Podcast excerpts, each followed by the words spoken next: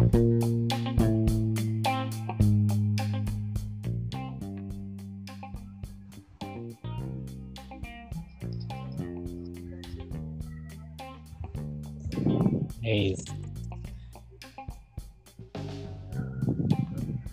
Ya, Wilujeng Sumping, Rifki, gimana kabarnya? Alhamdulillah Ustaz. Eh. Oke, baik. Eh, kita mulai ya, Rifki ya. Bismillahirrahmanirrahim. Eh, Alhamdulillah. Malam ini kita akan ngobrol santai, Rifki. Eh, Ya ini yang masih hangat. Kita masih bahas tentang pembelajaran jarak jauh. Mungkin eh, akhir-akhir ini kan rame lagi ya.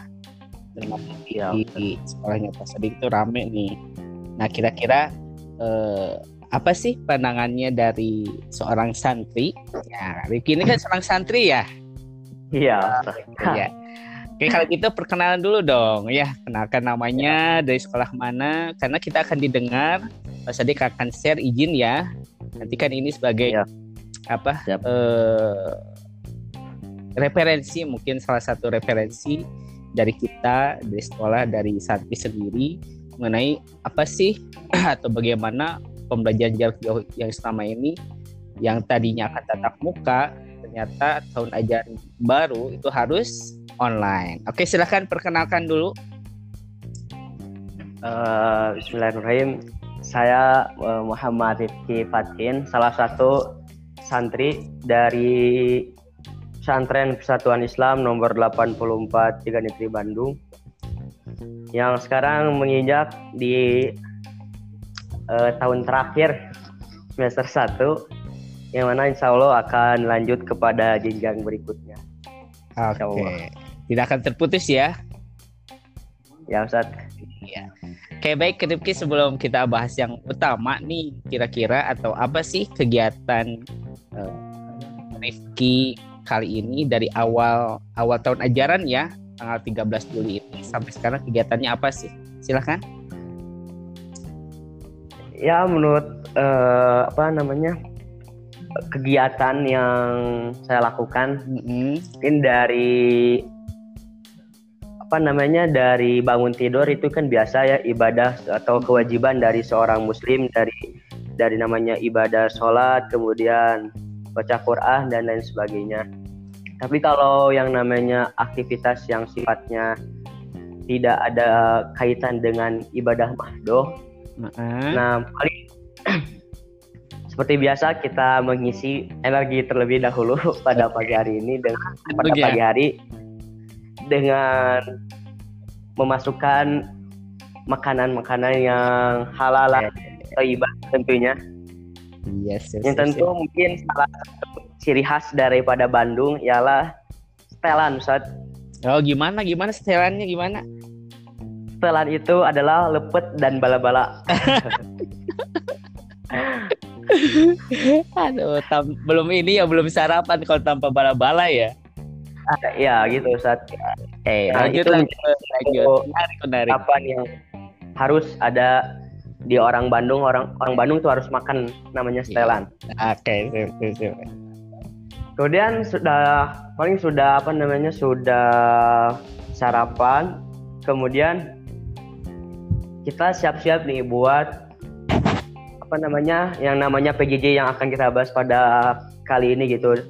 Yang mulai dari absen, kemudian mengisi tugas-tugas yang diberikan oleh Ustadz kepada santri sampai dari sampai eh, yang namanya jam 12 kira-kira. Nah, tapi jangan lupa pada eh, antara PJJ itu harus ada diselipkan yang namanya baca buku, kemudian yang namanya sholat duha. Nah, itu jangan sampai terlewatkan. Kenapa? Karena ya seperti kita biasa di sekolah gitu. Kalau di sekolah kan kita kalau istirahat tidak lupa untuk sholat duha, kemudian baca-baca buku yang buku yang di luar dari mata pelajaran. Nah, itu jangan jangan dilupakan. Kemudian setelah paling sudah sudah belajar sholat du, sholat duhur, kemudian dari itu kita makan lagi. Kalau ini eh, terserah mau ciri khas Bandung atau di luar Bandung pun ya mangga gitu. Untuk sholat eh untuk makan setelah sholat duhur. Kemudian dari itu kita istirahatkan sampai jam sampai asar tentunya. Setelah asar saya biasanya ngaji sama ayah saya. Sama ayah paling belajar tentang kitab-kitab dari Sat Aceh tentunya ya. Uh, umum Persis. Hari maghrib. Setelah maghrib uh, lanjut tadarus bersama bapak-bapak. Sambil ngopi ngobrol dan sebagainya. Sampai Isa kemudian setelah Isa itu ada kalanya uh, ngaji lagi atau ada kalanya langsung istirahat gitu. Kalau gitu, tadi maghrib maghrib gimana tadi? Uh, tadi ada jaringannya terputus. Maghrib diisi oleh apa? Maghrib maghrib tadarus sama bapak-bapak sambil, sambil uh, ngopi dan ngobrol gitu. Oh, di masjid ya? Ya di masjid. Berarti masjidnya sudah terbuka lagi sekarang ya? Ya sudah. Uh, di rumah saya nggak ada lockdown lockdownan. Jadi sama kemarin pandemi itu ya normal aja ya kalau di rumah Rifki itu ya. Normal aja saat padahal di depan masjid itu ada yang corona saat. Yang positif ya. Ah, iya iya. Ya menarik ya padat juga ya kegiatannya setiap hari. Karena Rifki itu kan kalau nggak salah di asrama ya? Ya usah di asrama. Asrama sekarang di rumah full di rumah ya. Diisi dengan kajian sorenya maghribnya isi lagi ngaji ya. Terakhir ya. habis istirahat baca buku ya. Ya kegiatannya uh, menarik kata Mas Sadik ya itu lumayan padat nih karena tidak semua orang bisa seperti itu ya. Kadang banyak mainnya di pas tadi kan banyak mainnya nih. Nah sekarang ke uh, bahasan utama nih.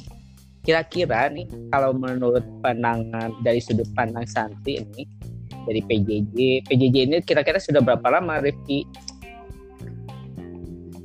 kita tuh PJJ mulai dari tanggal 16 Maret 2020 tiga mungkin kali ini udah empat bulan ya Maret hmm. Juli ya Iya, ya, sudah hampir 4, 4 bulan. 4 bulan. Nah, kira-kira apa sih kesannya dari PJJ ini? Kan ini e, merupakan sejarah ya bagi bangsa Indonesia karena sebelumnya ya, kita ya. tidak pernah mengenal ada pembelajaran jarak jauh. Kalau Betul, itu di tingkat kuliah, seperti Pak Sodi kan ambil kuliahnya jarak jauh nih. Nah, kalau di tingkat dasar seperti Sanawah ini, ini kan baru pertama di Indonesia itu sejarah. Nah, kira-kira ya, apa sih kesannya dari sudut pandang santri itu bagaimana? Ya, menurut saya ini adalah suatu apa namanya? suatu pengalaman tersendiri bagi saya bahwasanya kita itu dituntut pada era ini, pada era pandemi ini untuk lebih sanggup dalam menghadapi sesuatu yang tidak disangka-sangka akan terjadi gitu Ustaz. Dimulai yang pertama dari sisi uh, tarbiyah atau sisi pendidikan yang mana kita dituntut untuk namanya jarak jauh di mana di jarak jauh itu membutuhkan yang namanya suatu kreativitas saat guru itu uh, pintar dalam bidangnya tapi guru itu belum tentu pintar juga dalam bidang uh, media sosial gitu Ustaz. Kadang ada kala guru itu ketika dihadapkan langsung dengan era media sosial tanpa ada persiapan apa pun langsung apa namanya uh, jelek gitu.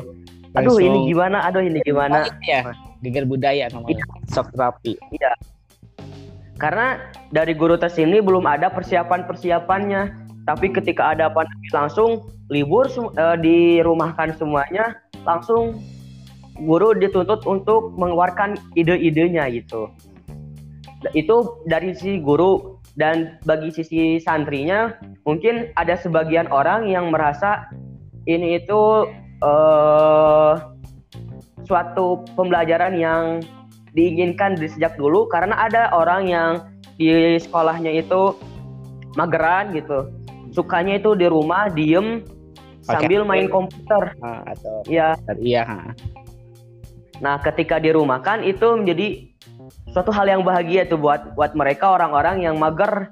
Kenapa? Hmm. Karena mereka bisa duduk di atas kursi kemudian melihat laptop sambil belajar itu sesuatu yang diinginkan. Tapi ada sisi juga orang yang orang itu nggak mau nggak mau nggak mau online gitu segala pengen tatap Iya. seperti saya saya saya nggak apa namanya nggak nggak suka sama komunikasi sama laptop laptop eh, kayak gitu saya Iya. pengennya tatap muka eh, apa namanya pemasukannya beda gitu ada kalanya nge-lag lah sinyalnya jelek kuota habis gitu Iya. Jadi informasinya miskomunikasi ya, misinformasi gitu ya. iya Ustaz. nah mal- malah kalau dari sisi itu sisi, sisi pendidikan kalau sisi ekonominya eh, santri itu saya satu minggu bisa hampir lima puluh ribu Ustaz untuk kuota Wih, Dalam- sebulan bisa 200 ribu tuh ya? Iya Ustaz, karena di saya nggak ada wifi sama sekali, jadi jadi itu di rumah ada ibu saya yang ngajar, bapak saya yang ngajar, adik saya belajar, saya Iya. juga belajar, jadi semua Semuanya online, serumah. Iya. kan 200 ribu itu cuman saya saja, ibu saya belum, bapak saya juga belum. Iya, berarti pengeluarannya tambah bertambah ya, Ya tambah tinggi. pengeluaran pengeluaran orang tua bertambah, tapi pemasukan orang tua Berkurang. sedikit. atau tidak Nah, bertambah itu ya. jadi problematika pada era pandemi ini. Jadi eh, Rifki sendiri kalau pas disimpulkan lebih cenderung suka PTM ya, pembelajaran Iya, tatap muka. tatap- Ah, Karena kalau eh, semenjak saya belajar secara online baik itu melalui voice note ataupun dari tulisan-tulisan biasa atau tatap muka tapi dalam kayak Zoom seperti itu, Hmm. itu yang masuknya itu cenderung hampir tidak ada karena pusing gitu melihat cerahnya apa namanya Layar. cerahnya layar radiasinya itu ah, iya. Ya itu. Jadi pusing. Jadi pusing iya. Oh, jadi materi Ya. yang disampaikan tidak masuk. nggak gitu. masuk gitu ya. Oke. Tapi kira-kira misalkan eh, dari Rifki kan memang tipenya lebih menyukai PTM ya pembelajaran tatap muka. Kira-kira Ya. ada upaya untuk adaptasi nggak menghadapi PJJ ini? Perlu saat perlu adaptasi. Jadi new normal bagi santri itu bukan dari eh bukan dari online ke tatap muka, tapi dari tatap muka ke PJJ ke online itu Heeh. itu yang namanya new normal bagi santri Ustaz. Iya iya. iya. Apalagi saya misalkan orang-orang yang di asrama Hmm. itu new normal itu bukan dari dari rumah ke asrama jadi new normal tapi dari asrama ke rumah itu namanya new normal karena di Iya. asrama kan sudah terbentuk eh, rundown acara bagi mereka setiap harinya jam sekian bangun jam sekian makan jam sekian sekian sekian. Tapi ketika di rumah kan semuanya hilang tanpa ada rundown baginya tidak apa sulit untuk manage waktu. Jadi mereka ya Iya, gitulah amburadul lagi ya. Yang tadinya Iya. sudah terbentuk jadi buyar lagi ya. Oke. Iya. Ah, jadi eh, apa? Jadi apa agak eh, apa agak susah juga ya PJJ ini buat santri termasuk buat guru ini Iya. harus adaptasi adaptasi yang tadi Rifki sampaikan bahwa guru yang tadinya menguasai suatu ilmu tapi ketika dikasih sosmed agak kelabakan karena ini mendadak Iya. tidak ada pelatihan. Iya. Kemudian apakah pernah nggak Rifki misalkan eh, merasakan kecemasan selama di rumah itu atau selama PJ ini pernah cemas nggak? Cemas gara-gara apa maksudnya Ustaz? Cemas, cemas itu kan tidak menentu. Aduh, ya kumahanya sekolah tidur di rumah wae atau atau kumaha ya atau pernah pernah ada rasa kecemasan nggak bahwa ah, PJJ ini yang kalau kalau di asrama atau di sekolah di pesantren itu kan biasanya ketemu sama teman. Sekarang itu jadi Iya. di rumah apakah pernah mengalami rasa cemas, tidak bisa bertemu dengan teman, materi tidak masuk-masuk dan sebagainya. Pernah nggak seperti itu? Nah, pada saat dua dua kecemasan yang saya alami. Yang pertama pada diri saya sendiri. Bahwasanya ketika tatap muka itu materi yang masuk itu alhamdulillah banyak. Terus terus terus setiap waktu ketika melihat ini dapat ilmu dapat ilmu. Ketika guru dat uh, datang dapat ilmu. Ketemu da ke ketemu ustadz ini dapat ilmu terus. Tapi ketika online ini kan sulit untuk mendapatkan ilmu. Jadi pemasukan ilmu itu sedikit saat itu dan pengeluaran hmm. ilmu itu banyak uh, kira-kira pengeluaran ilmu banyak itu gimana maksudnya jadi misalkan guru itu da, uh, ngasih tugas waktu apa namanya? Waktu oh, harus PAT untuk mengisi soal itu. Ya PAT itu. Nah ketika uh, uh. ketika masuk waktu itu masuk classroom dan dapat soal, iya amburadul.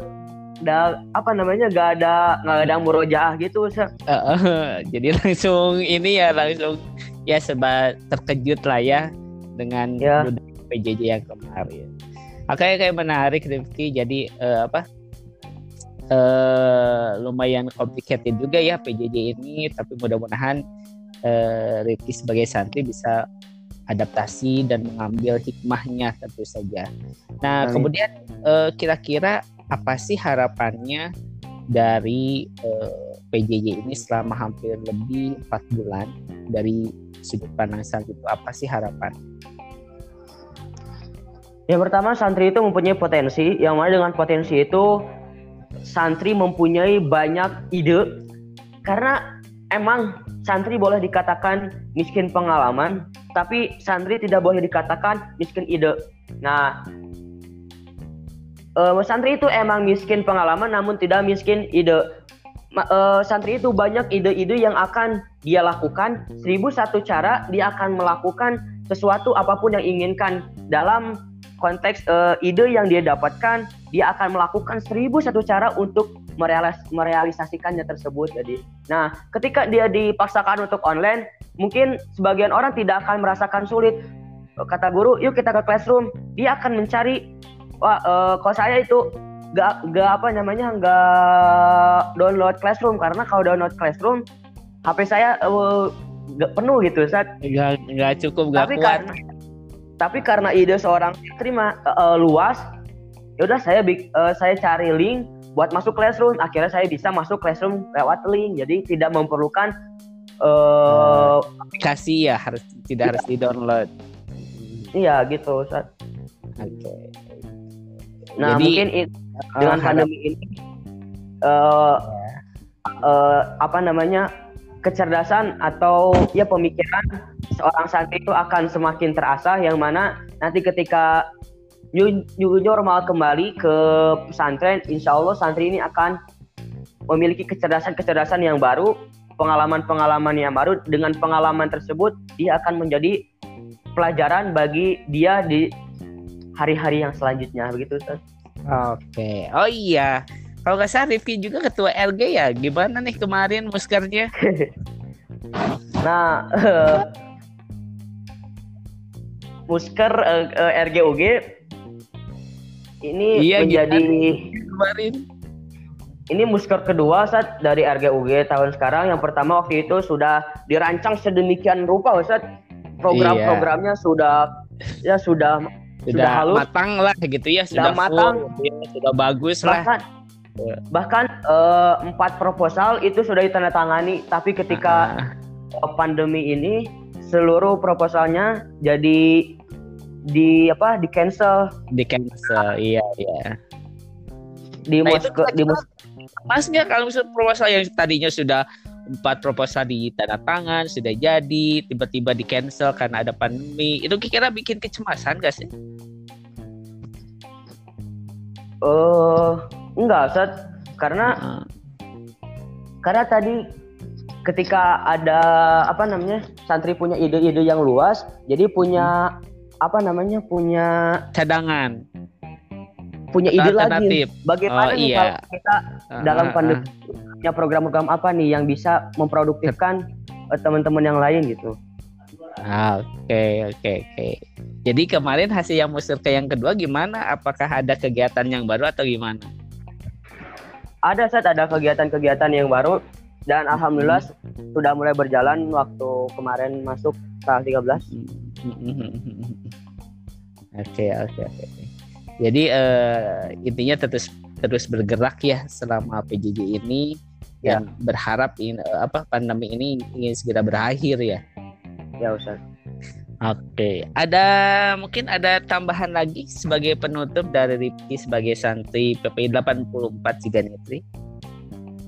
Ya bagi santri kalian jangan putus asa, jangan apa namanya, jangan males, jangan abong-abong gak ada ustadz di depan.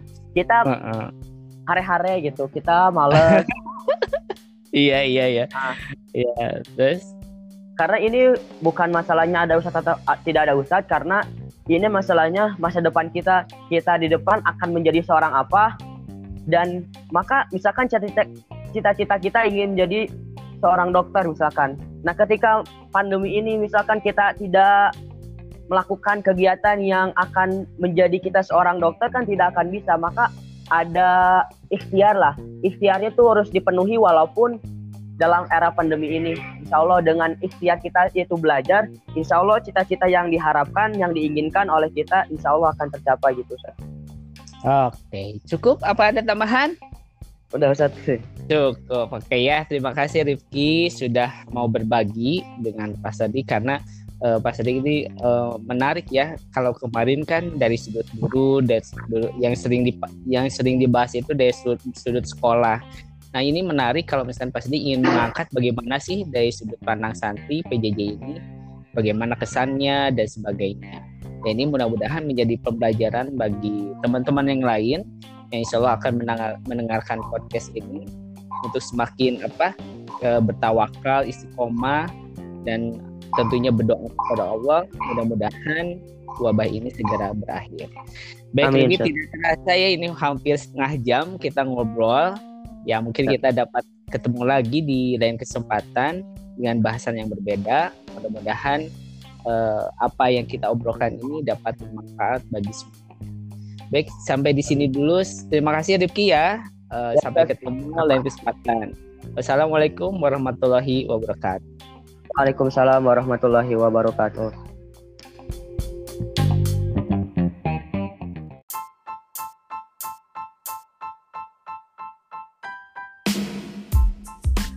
Oke Bu, punten ya. Iya, tiba-tiba menghilang. Kamu bilang berarti kita dari awal lagi ini kayaknya. Jangan bingung apinya harus neka mana ya. Di halo-halo saya suan tenan. Kayaknya kita padat nih jam segini tuh lagi prime time ya internet tuh lagi sibuk-sibuknya. Tapi kita coba lagi dulu ya Iya siap, mangga eh, Pak. dari awal. Oke, Bismillahirrahmanirrahim. Ya, eh, ya.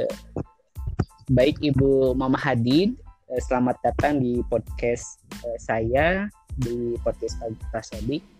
Hari ini kita akan eh, ngobrol santai Bu mengenai eh, pembelajaran jarak jauh yang mungkin sedang berlangsung semua sekolah bukan eh, tidak hanya di sekolah kita saja tapi di semua sekolah itu sekarang diwajibkan PJJ. Nah ini eh, saya ingin apa melihat sudut pandang dari orang tua bagaimana curahan pendapatnya.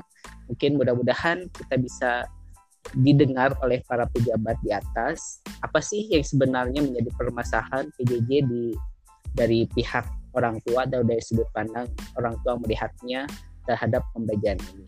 Baik sebelumnya eh, Bismillah Bu ya. Sebelumnya silakan Ibu perkenalkan diri dulu. Mangga silakan Bu. Eh, terima kasih Pak Sodik untuk waktunya. Saya perkenalkan nama saya Ibu Mina Arafah.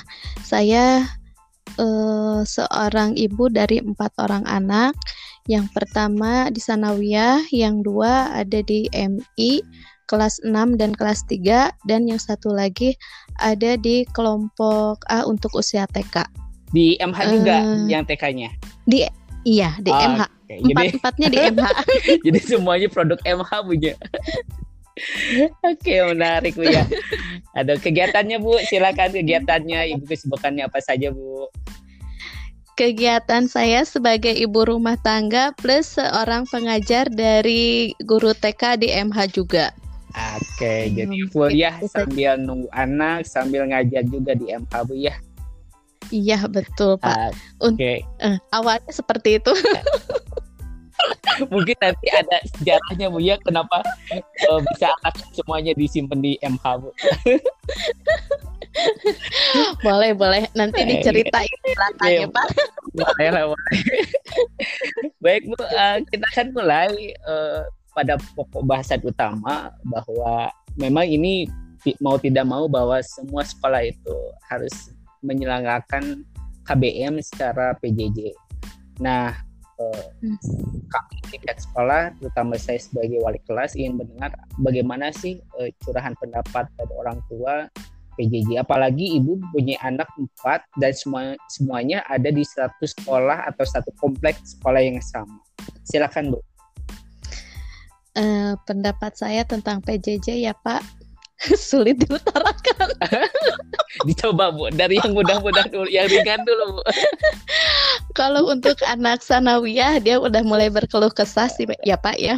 Iya, tentang iya, PJJ ini. Hmm Yang sanawiyah udah mulai berkeluh kesah ketika dia akan menghadapi PJJ uh, eh, mungkin karena sudah keenakan di rumah jadi ketika akan ada pembelajaran dimulai lagi dia harus uh, bingung harus dimulai dari mana ditambah uh, lagi dengan apa mungkin dengan teman-temannya gitu ya tidak ada yang saling support gitu kan. Tidak hmm. bertemu secara langsung dengan teman-teman begitu juga dengan gurunya. Jadi ketika penyampaian materi uh, guru sama anak ya sebisa-bisa dan semengerti mengertinya dimengerti sama anak gitu kan. Seperti itu. Terus untuk anak yang kedua yang kelas 6 itu alhamdulillah kalau dia punya motivasi mau belajar di rumah hayu tidak pun uh, dia lebih semangat gitu untuk pergi uh, maksudnya untuk uh, pertemuan di sekolah dia lebih semangat gitu kan Uh, jadi mungkin saya tidak terlalu khawatir apalagi dia udah bisa menangani masalah-masalah kecil sendiri. Uh, cuma satu kendalanya ketika dia harus berada di rumah terus, Pak. Jadi meskipun PJJ di rumah, belajar di rumah, tapi kegiatan untuk main jadi lebih besar keluar karena udah hmm. terlalu lama kan. Jadi setiap ada waktu ingin main bola sama teman-teman sekitar rumah. Ya mainnya di situ juga, mainnya dia pergi main ke sekolah karena uh, cuma lapangan yang paling nyaman buat uh, buat bermain di situ gitu. Jadi uh, kalau dulu mah ada sana gue sekarang kosong gue ya. Jadi lapangnya mm -hmm. bisa gitu ya. Nah gitu, jadi mainnya di situ. PJJ ya PJJ-nya uh, eh, jadi ya kurang gitu ya Pak ya. Kurang iya iya. Hmm, kurang efektif gitu. Soalnya kan uh, materi yang diberikan juga jadi lebih sedikit daripada yang seharusnya gitu kan. Karena waktu uh, pembelajaran di rumah sama di sekolah juga beda kan. Kalau di rumah harus banyak dengan rayuan-rayuan segala rupa hmm. seperti itu itu untuk yang ke anak yang kedua anak yang ketiga anak yang ketiga ini uh, saya lebih ekstra karena uh, kebetulan saya mengajar juga jadi setelah uh, pulang apa namanya memberikan mempersiapkan materi di TK saya pulang ke rumah sore uh, dan ketika sore sudah tiba anaknya tidak mau untuk dibujuk dan ya kebablasan gitu. Berarti yang kelas 3 nah, mah itu, uh, belum bisa mandiri Bu ya? Ya, itu anak yang ketiga. Hmm. Jadi rayu-rayunya itu ekstra gitu. Tapi kalau main keluar rumah itu nomor satu, Pak. Iya, karena masih uh, waktunya ya pada puncak-puncaknya hmm. kelas 3 itu waktu nah, bermain terakhir gitu ya. Nah itu itu, hmm. uh, nah yang yang saya pengen cepet-cepet masuk sekolah tuh seperti itu yang yang di anak nomor tiga gitu pak, soalnya hmm. uh, mm -mm, karena apa namanya dia itu uh, pertama berbeda karakter gitu kan ya pak ya. Uh, terus kalau sama teman-teman dia lebih termotivasi begitu juga dengan gurunya ada rasa takut gitu kan. Hmm. kalau sama ibu bapaknya kan jadi hare-hare gitu meskipun dikeluarkan tenaga jurus, gitu. jurus. Sembilan naga masih ya bu ya. Gak mempan ya masih seperti itu gitu. Itu anak yang ketiga. Kalau anak yang keempat wassalam tidak sama sekali. Ketika gurunya menanyakan bu mana uh, Ananda ini belum ini? Bu maaf ya tenaga saya udah habis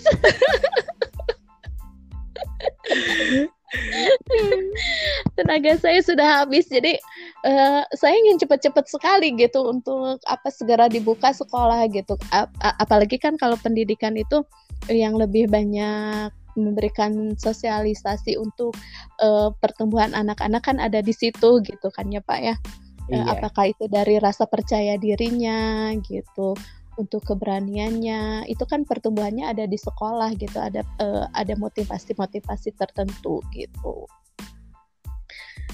Seperti itu Pak. Makanya saya uh, bukannya PJJ tidak boleh gitu ya Pak ya. Tapi alangkah uh, lebih bijaknya gitu. Kalau uh, apa namanya kita menanggapi tentang virus corona ini dibijaki dengan akal sehat. Karena virus itu kan tidak bisa dihindari gitu kan ya Pak ya. Hmm. tapi kita sebagai manusia harus uh, punya akal sehat gitu. Jadi harus bisa dan harus mau menerima hidup berdampingan dengan virus ini. Jadi kitanya yang harus antisipasi gitu.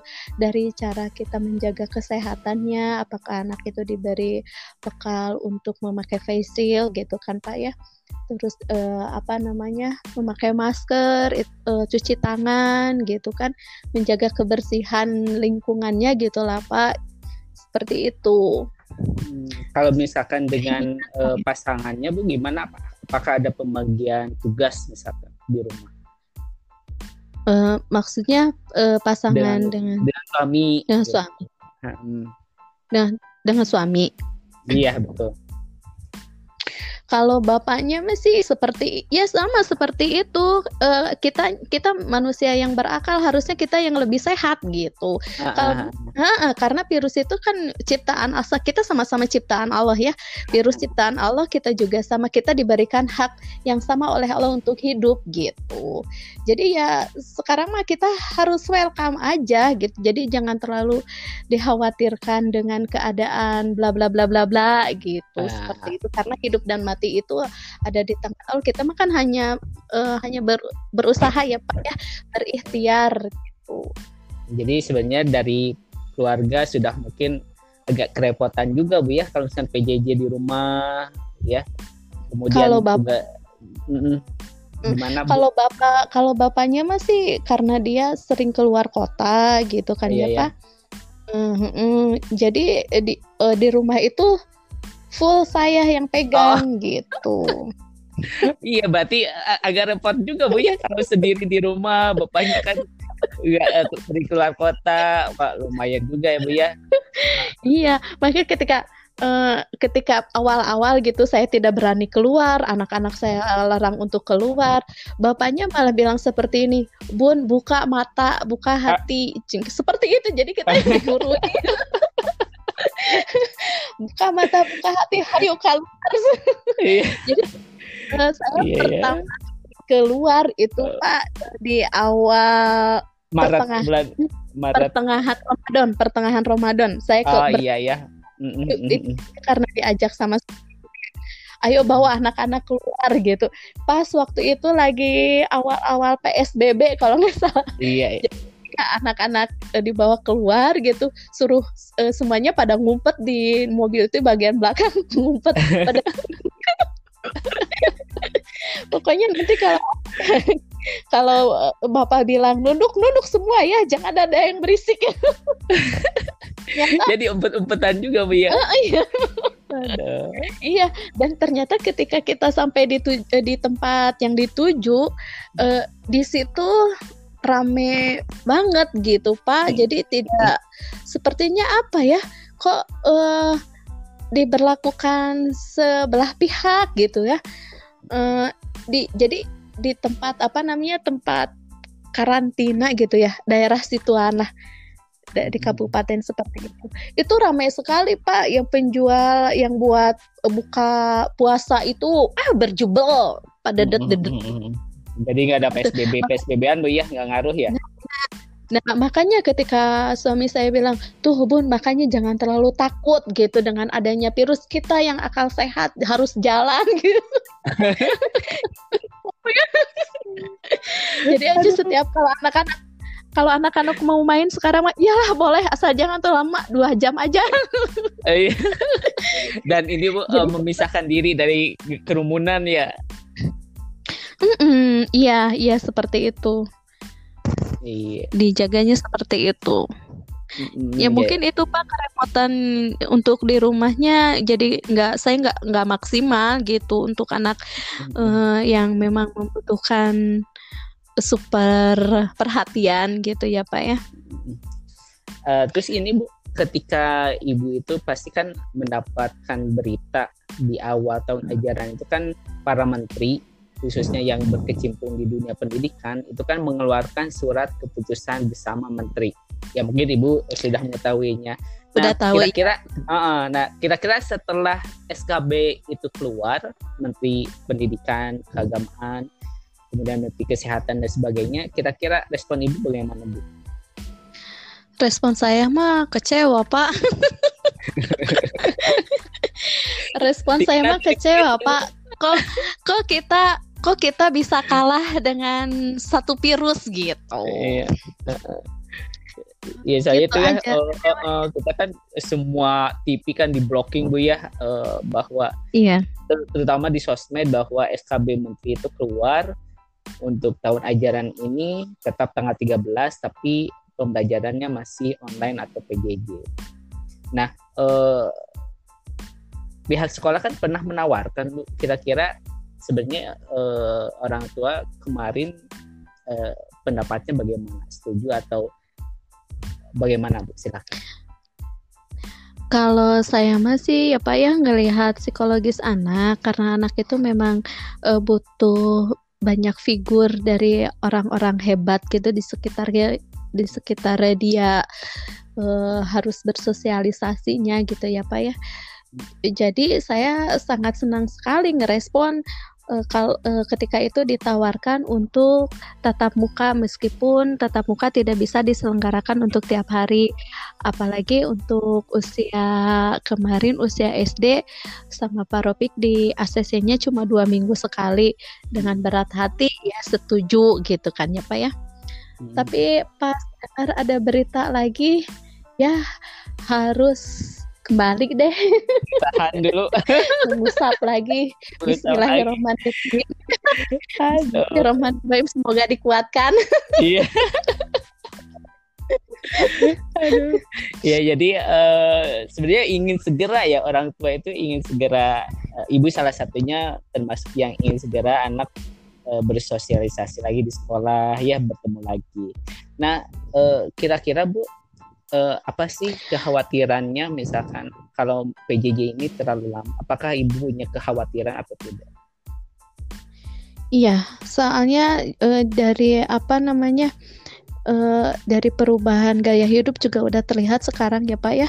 Yang asalnya jam 8, jam 9 anak-anak udah tidur gitu. Sekarang jam 12, jam 1 uh, baru mau diajak tidur gitu. Itu Karena jam kan 12 malam. Ke, Iya, iya. Wow. Jam 12 malam. Iya. Mm -mm, jam 12 malam Pak itu. Itu pun setelah kita main otot itu pun kalau kita udah main otot gitu baru dia mau gitu masuk kamar kalau kita sebelum kita nggak main otot paling dia jawabnya aring nggak ngantuk harus diapain cen gitu kan ya dimerem-meremin aja bangunin aja pokoknya harus tidur jam segini udah tuh jadi ketika bangun pun yang uh, kalau dalam kehidupan biasa kalau udah sholat subuh anak-anak mandi sekarang kalau sholat subuh tidur lagi Iya gitu. karena tidak Jadi ada kegiatan bangun, ya. Uh -uh. Mm -mm, gitu. Bangunnya ya siang jam 9 gitu baru bangun, baru nanyain makan. Jadi kan uh, saya juga jadi tambah tercecer gitu pekerjaan. Pekerjaannya jadi tambah tercecer gitu. Okay. Seperti itu, Pak. Oh iya Bu, eh, anak-anak kan mungkin rasa punya, punya rasa gelisah ya, cemas dan sebagainya. Kira-kira ibu ada usaha nggak bagaimana sih biar anak itu tidak gelisah karena kan seperti tadi kalau saya lihat anak itu ternyata gelisah. Cirinya apa? Dia tidurnya terlambat jam 12 jam 1 itu baru mau tidur. nah kira-kira upaya ibu ada nggak untuk apa meminimalisir kegelisahan anak-anak itu?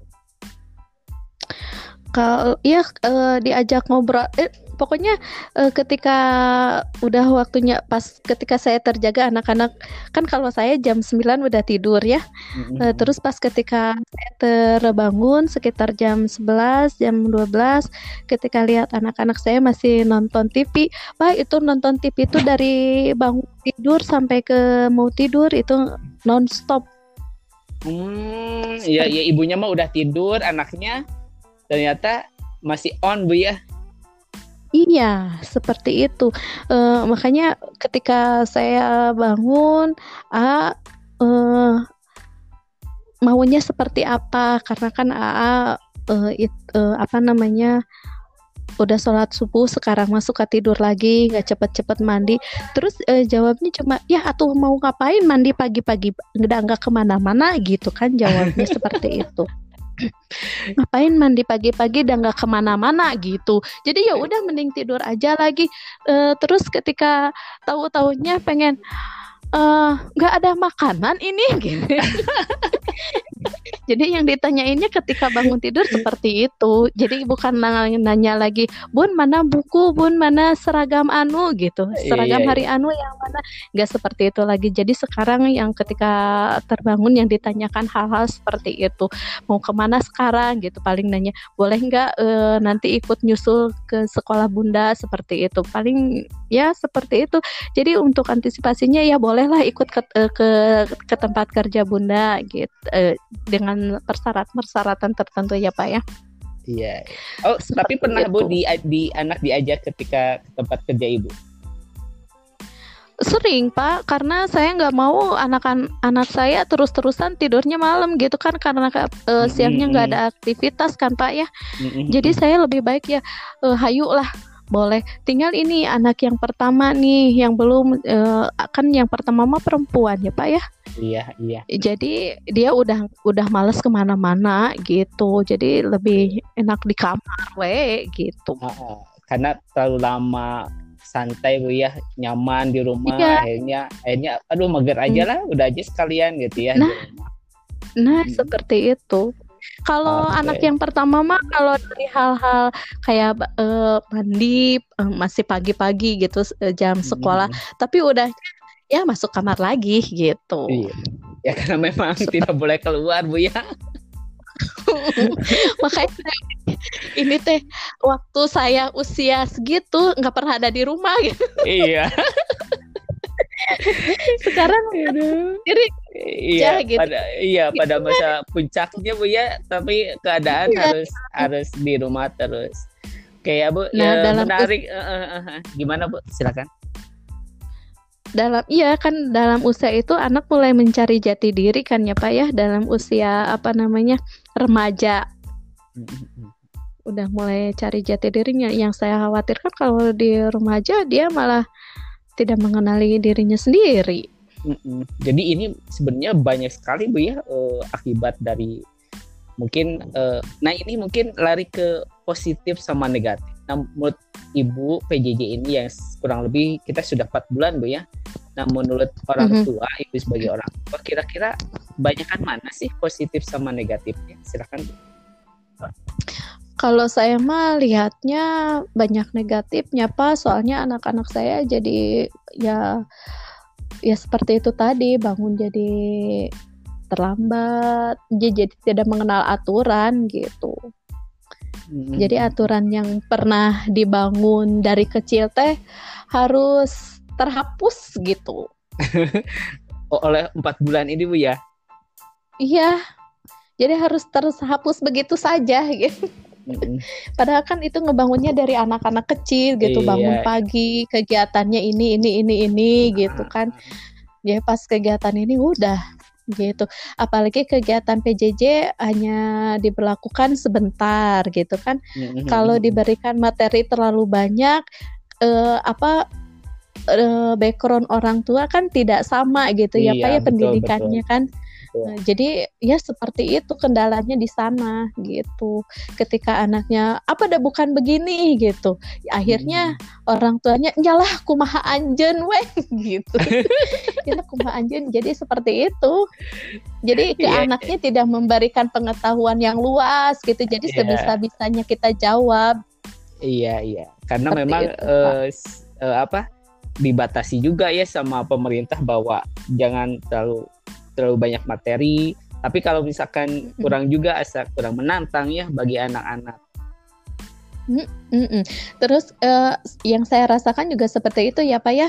Kalau kita diberikan materi A, orang tuanya kan belum tentu ngerti ini teh pelajaran ini teh seperti ini gitu kan. Hmm. Terus kalau kita ngasih terlalu B, eh, orang tua juga sama. Ya teh mending gampang-gampang teh guru teh gawe apa sih ngasih soalnya segini gitu kan. Iya iya. Ada iya. yang seperti Paham itu. paham Tapi paham. kan kalau kita eh, jatuhnya ke orang tua yang emang bela- latar belakang pendidikannya nggak sama dengan kita, mending hese pelajaran teh guru teh kira-kira gitu kan, seperti itu. Iya jadi eh, anak dan orang tua juga tidak sama bu ya. Semuanya ada Iya perbedaan. betul Pak. Ah, ah. Nah kalau misalkan di sekolah sih bisa kelihatan karena anak aku yang langsung menjadi eh, apa partner guru di sekolah. Tapi kalau kalau di rumah kan eh, tidak sama ya bu ya sama orang tuanya. Iya betul. Nah Betul, ini Pak. menarik sih bu eh, apa eh, dari pola tidurnya berubah, kemudian kalau menurut ibu dari karakternya juga berubah.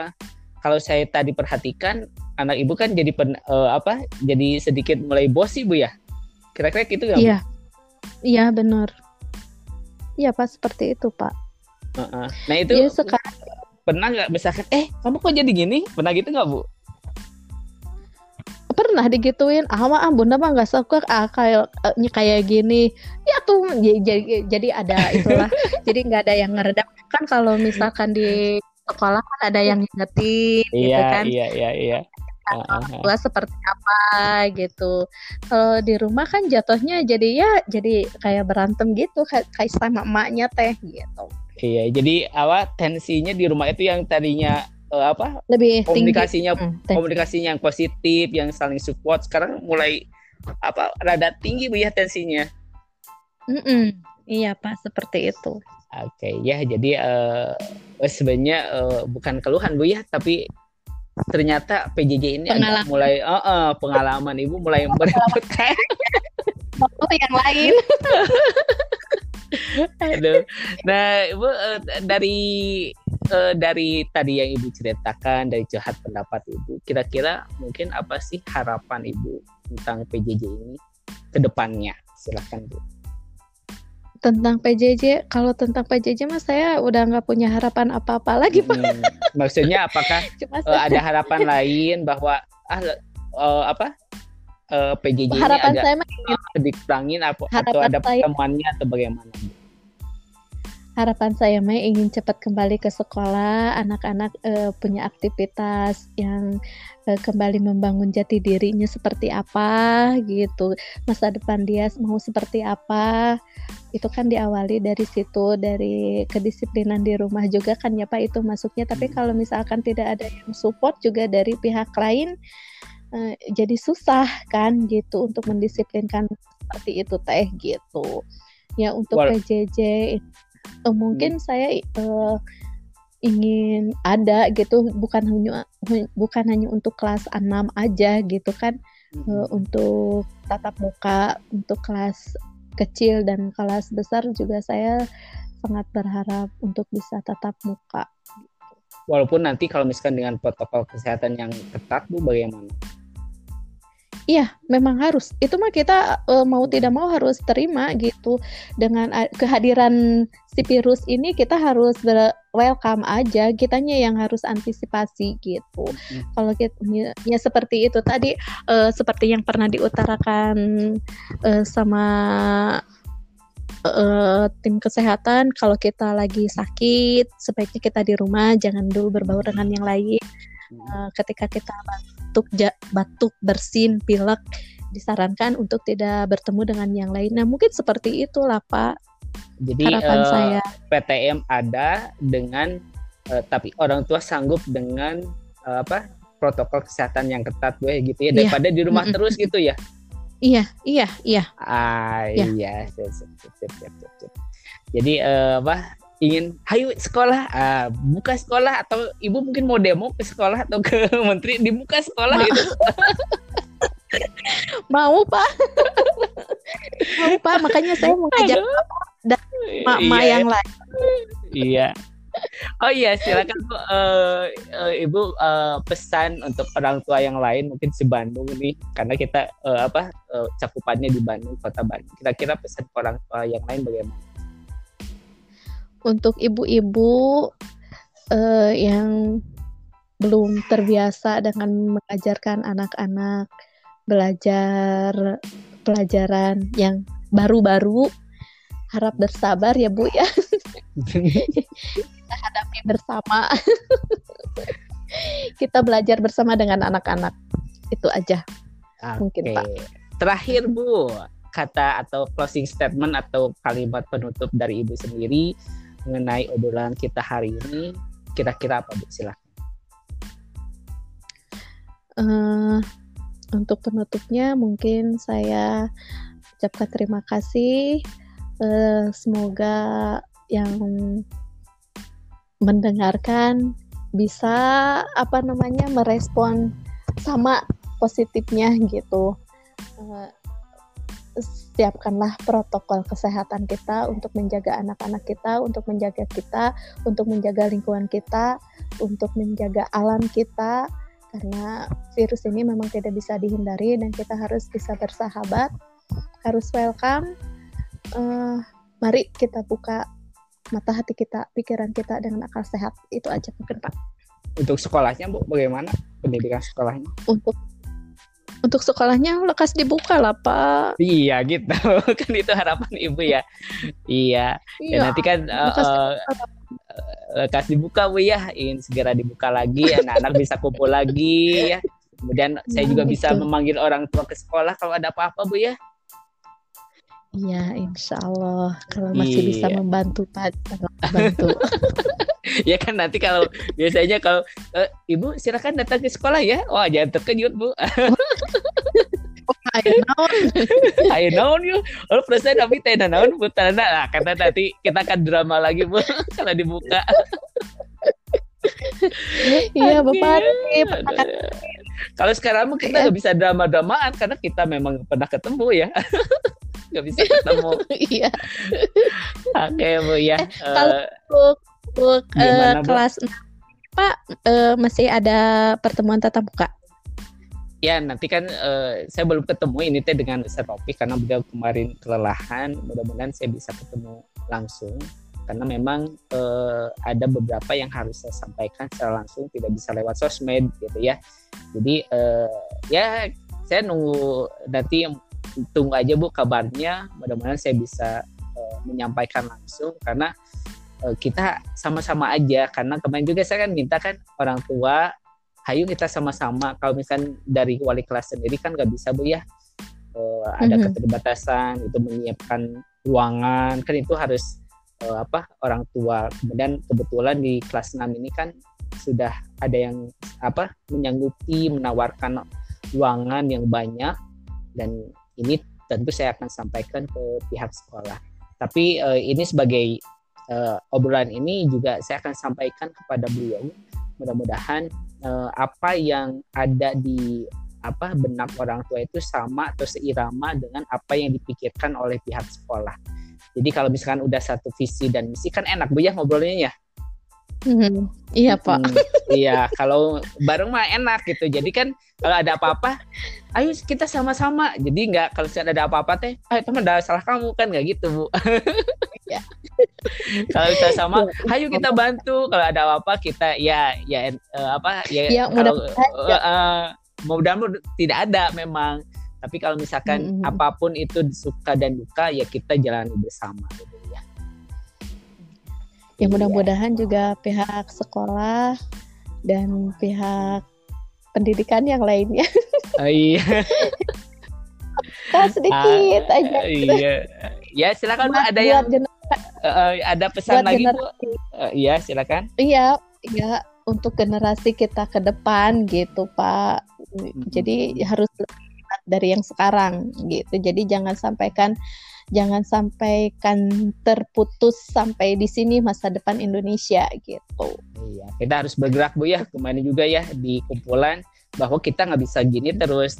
Ada kita gak harus bisa. tetap bergerak tapi harus diakalan ya Bu ya, seperti itu. Iya. Iya. Oke, okay, nuhun Pak Sodik iya, sudah Bu. mendengarkan. Terima kasih Bu uh, sudah ini. Wah ternyata tidak terasa ya kita ngobrol habis setengah jam lebih. Ini rekor saya Bu uh, ngobrol paling lama ini. subhanallah. Karena memang untuk apa obrolan tentang pendidikan ini memang tidak bisa selesai-selesainya dan banyak sekali bahasan yang mungkin menarik buat kita bahas. Baik Ibu uh, Mama Hadid, terima kasih telah bergabung di obrolan malam ini. Sekali lagi uh, apa obrolan kita mudah-mudahan dapat didengar oleh pihak yang bersangkutan sehingga uh, apa pendidikan kita bisa tetap maju dan menjadi harapan uh, bangsa kita semua gitu ya. Jadi si anak-anak ini merupakan penerus bangsa yang harus kita siapkan secara kualitas maupun kuantitas. Itu saja Bu, mungkin iya, uh, rasa terima kasih saya kepada Ibu, salam kepada orang tua kelas 6 semuanya. Mudah-mudahan ini uh, mewakili dari uh, kelas 6 itu sendiri. Oke Bu ya, kita ketemu lagi mungkin insya Allah kapan-kapan di lain waktu uh, apa di lain waktu dengan bahasan yang berbeda, tapi dalam masih dalam lingkup lingkup pendidikan, gitu Bu ya. Jadi iya, uh, tolong nanti diajak sama ibu yang lainnya biar ngobrolnya tambah asik Bu. itu harus dicolek-colek pak. Colek-colek jadi kita asik bu. Kita apa menceritakan pendapat uh, pada jalur yang benar gitu ya. Iya insya Allah nanti saya ajak yang lain. Saya pamit dulu. Salam buat keluarga terutama Hadid ya murid saya sendiri mudah-mudahan kita bisa menjalaninya bersama dan mudah-mudahan wabah ini segera pergi dari negara Indonesia yang tercinta ini dan kita bisa sekolah. Amin. amin. Baik iya, Bu, itu iya. saja. Iya, iya, eh, itu saja Bu ya. Saya pamit. Wassalamualaikum warahmatullahi wabarakatuh. Waalaikumsalam warahmatullahi wabarakatuh.